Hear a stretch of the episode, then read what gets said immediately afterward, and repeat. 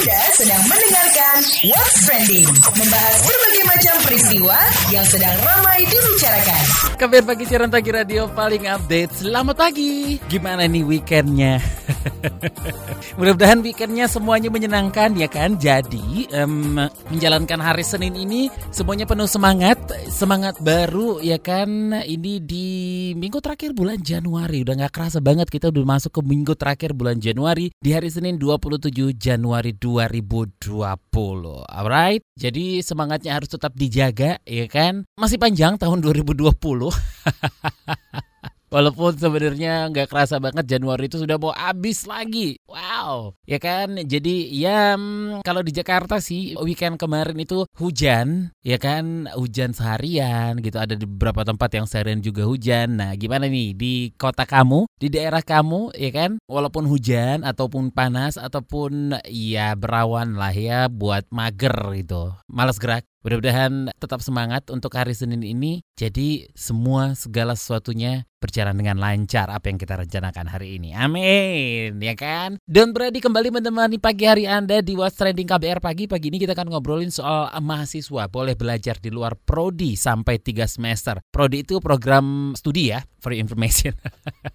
Pasti tahu lah ya. Nah, jadi Menteri Pendidikan dan Kebudayaan Nadiem Makarim meluncurkan kebijakan kampus merdeka yang menyasar lingkup perguruan tinggi. Salah satu kebijakannya adalah dengan mewajibkan kampus memberikan hak bagi mahasiswa untuk boleh mengambil tiga semester di luar program studi atau prodi. Ya, lebih lanjut Nadiem menekankan bahwa ini menjadi pilihan mahasiswa yang tidak dipaksakan. Ia juga menerangkan bahwa dari tiga semester tersebut, dua semester atau setara dengan 40 SKS harus diberi jaminan hak untuk dapat melakukannya di luar kampus. Tapi Nadiem bilang kalau kebijakan ini tidak berlaku bagi bidang kesehatan. Jadi sekali lagi, Nadim juga menerangkan bahwa tiga dari semester tersebut, dua semester atau setara dengan 40 SKS itu harus diberi jaminan hak untuk melakukannya di luar kampus dan kebijakan ini tidak berlaku bagi bidang kesehatan. Kamu lagi dengerin What's Trending KBR Pagi. Masih bersama Don Brady di What's Trending KBR Pagi, kita lanjutkan ngobrol soal mahasiswa boleh belajar di luar program studi sampai 3 semester. Jadi Menteri Nadiem yang mengibaratkan mahasiswa sebagai sosok yang akan berenang mengarungi lautan, ya kan? Jadi selama ini menganggap mahasiswa hanya dilatih berenang dengan satu gaya dan dilakukan hanya di kolam renang untuk menggambarkan satu program studi yang dipelajarinya di kampus saja. Karenanya, ia ingin bahwa mahasiswa memiliki kesempatan belajar program studi lainnya yang bisa pula dilakukan di luar kampus. That's nice, ya. Yeah? Jadi apa yang melatar belakangi kebijakan itu kita akan simak penuturan Menteri Pendidikan dan Kebudayaan Kebudayaan Nadiem Makarim berikut ini. Mana sih profesi zaman sekarang yang hanya menggunakan satu rumpun ilmu saja? Hampir tidak ada. Semua profesi di dunia yang nyata itu membutuhkan kombinasi dari beberapa disiplin ilmu. Contoh, bagaimana kita mau menjadi insinyur yang baik kalau kita tidak hanya mengerti ilmu teknik, tapi juga ilmu desain. Bagaimana orang akan menggunakan produknya dia, mesinnya dia, dan lain-lain. Bagaimana menjadi pengacara corporate lawyer yang baik kalau kita cuma mengerti hukum tapi tidak mengerti financial literacy yaitu akuntansi, corporate financial literacy. Bagaimana menjadi sutradara yang baik? Kalau kita jago bikin film tapi nggak bisa memasarkannya ke berbagai macam sumber pendanaan, produser, memasarkannya lewat channel online, digital, OTT, TV, dan lain-lain. Bagaimana mau menjadi arsitek yang baik kalau kita tidak mengenal behavioral psychology yaitu sosiologi, cara orang berpikir, cara para komunitas hidup, dan lain-lain. Kenyataannya sekarang sedikit sekali proporsi, jadi mayoritas daripada anak-anak lulusan S1 berkarir akhirnya di tempat yang berbeda. Mayoritas. Nah, soal hak mahasiswa untuk mengambil tiga semester di luar program studinya itu kita akan simak penjelasannya berikut ini. Jadi apa kebijakan kita? Ini adalah 8 semester dari mahasiswa S1. Dari 8 semester itu, kami sebagai kementerian membijakan untuk perguruan tinggi memberikan hak tiga semester dari delapan semester itu bisa diambil di luar prodi. Saya harus tekankan, ini bukan pemaksaan. Kalau mahasiswa itu ingin 100% di dalam prodi itu, itu adalah hak mereka. Ini hanya opsinya untuk mahasiswa. Tapi adalah suatu kewajiban bagi perguruan tinggi untuk memberikan opsi tersebut. Untuk mahasiswa, ini merupakan kebebasan mereka boleh memilih, mengambil sampai dengan tiga semester di luar prodi dia, tapi tidak dipaksakan. Itu opsi bagi mahasiswa, terserah dia. Tapi untuk perguruan tinggi, wajib memberikan kesempatan mengambil tiga semester di luar prodi. Dari tiga semester itu, dua semester harus diberikan jaminan hak kepada mahasiswa, dua semester dari tiga di luar kampus. Ada satu exception adalah hanya untuk bidang kesehatan. Semua bidang-bidang kesehatan, mohon maaf tidak termasuk dalam ini, tapi untuk semua prodi lainnya ketentuan ini berlaku. Oke, sampai di situ bisa dimengerti ya. ya kan? Nah, coba kita lanjutkan penjelasan dari uh, Menteri Pendidikan dan Kebudayaan Nadiem Makarim soal contoh kegiatan di luar kampus yang bisa ditempuh mahasiswa. Kita simak berikut ini. Apa aja sih contoh-contoh kegiatan yang bisa dilakukan? Kementerian beserta dengan rektor dua-duanya boleh melampu hijaukan atau mengapprove suatu program di luar kampus. Dua-duanya kementerian dan rektor berhak mengapprove program-program di luar kampus. Contohnya seperti apa? Magang, praktek kerja. Bisa mengajar di salah satu sekolah di daerah terpencil. Melakukan research, membantu dosen melakukan project research.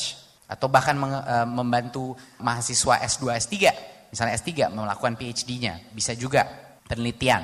Mahasiswa itu bisa bekerja sama dengan dosen untuk menciptakan satu, satu salah satu kurikulumnya sendiri. Suatu project independent study. Mereka bisa berkontribusi di desa selama satu semester bahkan satu tahun untuk melakukan proyek desa. Tukar belajar antara universitas dan mancanegara. Satu semester abroad, satu tahun abroad bisa. Entrepreneurship, siswa itu ingin merintis suatu startup dibina oleh dosen, itu juga diperbolehkan. Nah itu tadi penjelasan dari Menteri Pendidikan dan Kebudayaan Nadiem Makarim soal salah satu kebijakannya dengan mewajibkan kampus memberikan hak bagi mahasiswa untuk boleh mengambil tiga semester di luar program studinya. Mudah-mudahan sudah bisa dimengerti ya. Jadi nanti eh, kita lihat bagaimana kelanjutan dari kebijakan ini tapi nanti kita juga akan ngobrol dengan pengamat pendidikan Darmaning Tias. Sekali lagi soal hak mahasiswa belajar tiga semester di luar program studi. Ini efektif atau bagaimana? Jangan ke mana-mana. Kamu lagi dengerin What's Trending KBR Pagi.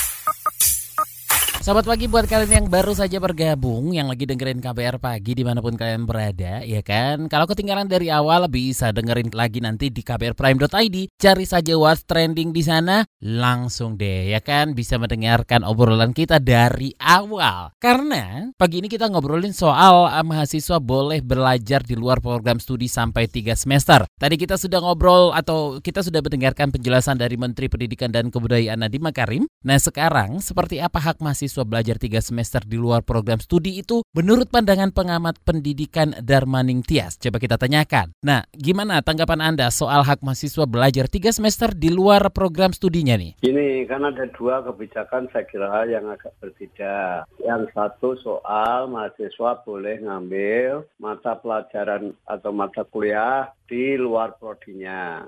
Yang kedua itu soal pemagangan. Nah, kalau soal mengambil mata kuliah di luar prodinya, saya kira tidak ada masalah. Karena kita memang perlu ada pendekatan interdisipliner. Setiap mahasiswa itu perlu mencoba mempelajari bidang lain yang kira-kira relevan sehingga nanti itu akan mempertajam pandangan mereka terhadap ilmu pokok yang dipelajarinya gitu ya. Nah, kalau terkait magang nih Pak gimana? Nah, kalau yang pemagangan saya kira mungkin itu cocok untuk akademi atau politeknik, sekolah tinggi atau institut gitu loh. Tetapi kalau universitas yang tugasnya kan kalau universitas itu kan sebetulnya tidak hanya melahirkan melahirkan sarjana untuk bekerja, tetapi juga mungkin akan ada yang menjadi peneliti, menjadi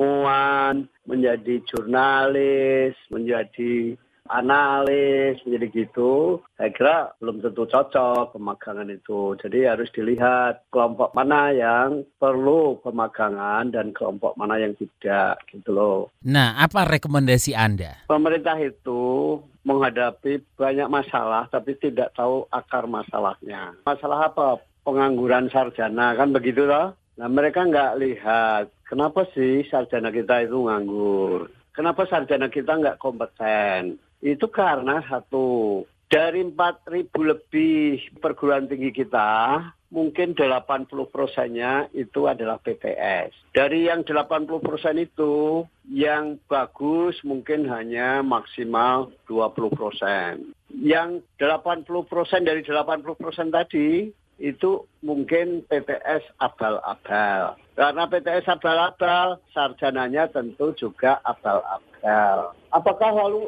yang seperti ini bisa diselesaikan dengan pemagangan? Belum tentu, karena kemampuan teoretiknya pun mungkin lemah gitu. Nah, lalu apa yang semestinya dilakukan nih Pak? Menurut saya yang harus dilakukan pemerintah adalah mengevaluasi jumlah perguruan tinggi kita. Kalau di Cina itu yang penduduknya satu miliar lebih hanya punya dua ribuan perguruan tinggi, sementara kita jumlah penduduknya cuma 350, tapi memiliki 4.000 lebih perguruan tinggi, berarti kan kebanyakan kita ini. Nah, jadi itu yang harus dipecahkan perguruan tinggi-perguruan tinggi yang berakreditasi C ke bawah, menurut saya, kecuali di daerah-daerah remote area ya.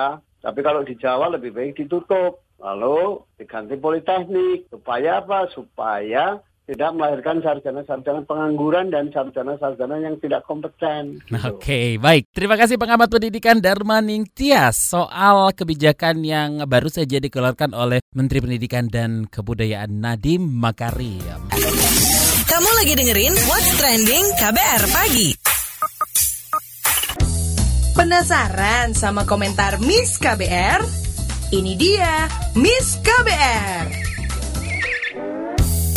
Eh, sedari kali pertama nama-nama menteri di kabinet teranyar Presiden Jokowi diumumkan, Miss KBR yakin deh pasti pada nunggu-nunggu apa gerangan yang bakal diperbuat oleh menteri-menteri muda Jokowi. Itu termasuk Menteri Pendidikan dan Kebudayaan Nadiem Makarim dong ya pastinya. Apa sih gebrakan yang bakal dia bikin selain menggebrak hati Miss KBR? Secara harapan orang pasti gede kan ya Rekam jejaknya cukup lah menjanjikan lantaran itu perusahaan retisannya sukses berat ya kan Nah setelah diam semedi dan mencari wangsit Eh itu minus pidato pasari guru kemarin jadi viral ya Nah ini rasa-rasanya kok gebrakan program yang baru dimunculkan masih nyambung ya sama pidato kapan hari itu. Intinya sih kudu ada perubahan dalam sistem pendidikan di Indonesia. Setidaknya itu jadi harapan semua orang kan.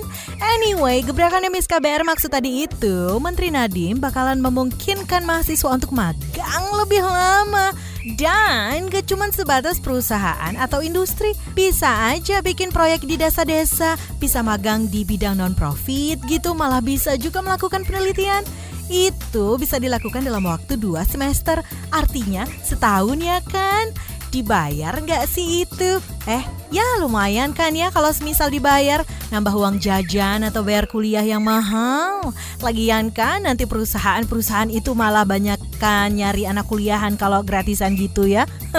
Terus lulusannya dikemanain? Nah selain itu tuh mahasiswa nantinya juga bisa banget kan ngambil alias belajar di prodi. Program pendidikan yang lainnya yang beda sama jurusannya. Ya logikanya kan emang bisa diterima. Secara iya banyak banget kan pekerjaan jaka sembung alias gak nggak nyambung sama kuliahnya dulu. Ya kayak Miss KBR inilah namanya juga pilihan hidup. Kadang kan emang kita kudu keluar jalur ya biar benar-benar bisa sampai tujuan. Apa pun itu, banyak jalan menuju Roma, Cin. On paper sih itu program memang oke-oke aja. Tapi gini, dasarnya itu nawaitunya kampus itu mencetak pekerja atau pemikir sih sebenarnya. Hmm. Itu dia tadi komentar dari Miss KBR. Mau tahu besok Miss KBR bakal komentar apa lagi? Tungguin cuma di KBR Pagi.